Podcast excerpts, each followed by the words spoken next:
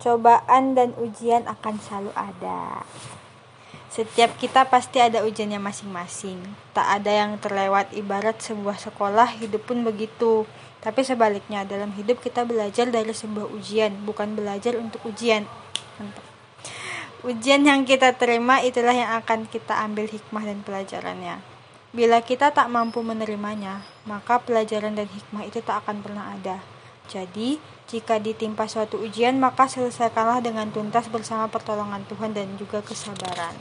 Sekarang bener kata-kata Ya, Datangnya cobaan dan ujian memang selalu tak terduga. Datang begitu saja tanpa pernah bertanya.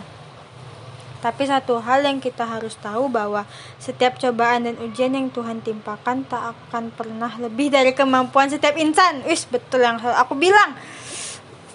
Ya itu buku harus dikasih ke pacarmu biar terbuka Terbuka.